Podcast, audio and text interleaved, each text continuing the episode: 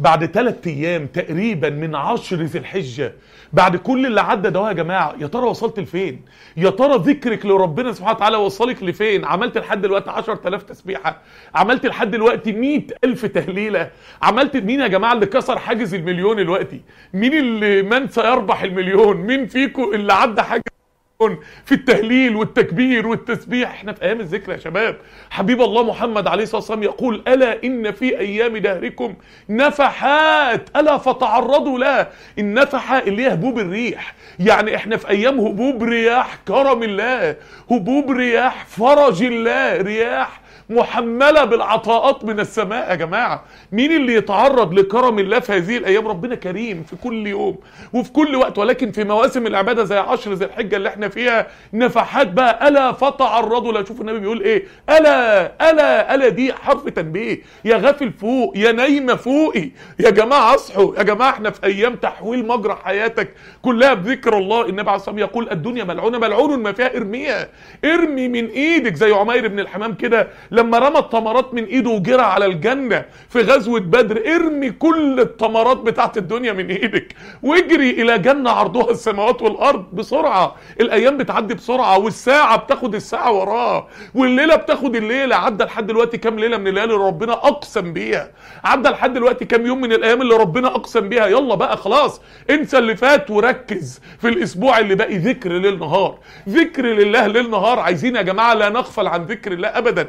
الدنيا ملعونة ملعون ما فيها إلا ذكر الله تعالى. وما ولا يعني ما ولا يعني الذكر هي ليه فتوحات.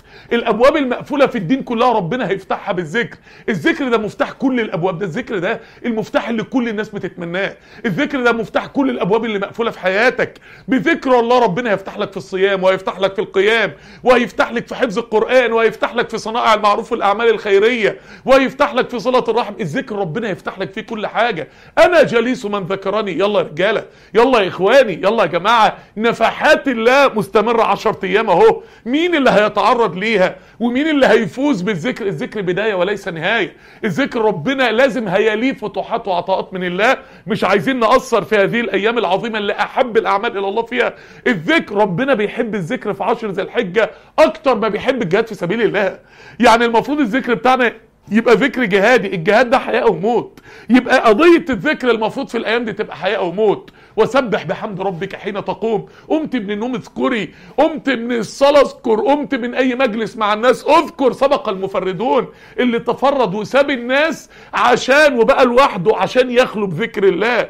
المفرد اللي أفرد الله بالذكر ومفيش غير ربنا على لسانه ولا غير ربنا في قلبه. يلا يا رجالة. من سيربح المليون؟ مين اللي هيعمل مليون ذكر في عشر ذي الحجة؟ مين اللي هيقدر يدخل المسابقة دي؟ مين اللي هيبقى من أسبق الخلق إلى الله؟ مش عايزين نبطل ذكر لحظة مش عايزين نبطل ذكر في أي لحظة ليل أو نهار. وأنت بتطبخي وأنت على السرير بالليل بالنهار. ليل عشر ذي الحجة عظيم ربنا أقسم بيه. يعني ما نفضلش الليل على النهار في عشر ذي الحجة. شدوا حيلكم يا رجالة. مين هيبقى من أهل الخطوة بقى؟ بس يعني كان له بكل خطوة أجر سنة.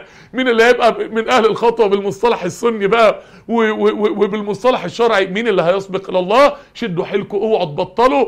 انطلاقنا لحد آخر لحظة في غروب شمس أول يوم العيد اللي هو نهاية عشر ذي الحجة ونهاية أفضل أيام الدنيا عند الله. فتح الله عليكم سددكم الله. ربنا يجعلنا من الذاكرين الله كثيرا والذاكرات. جزاكم الله خيرا.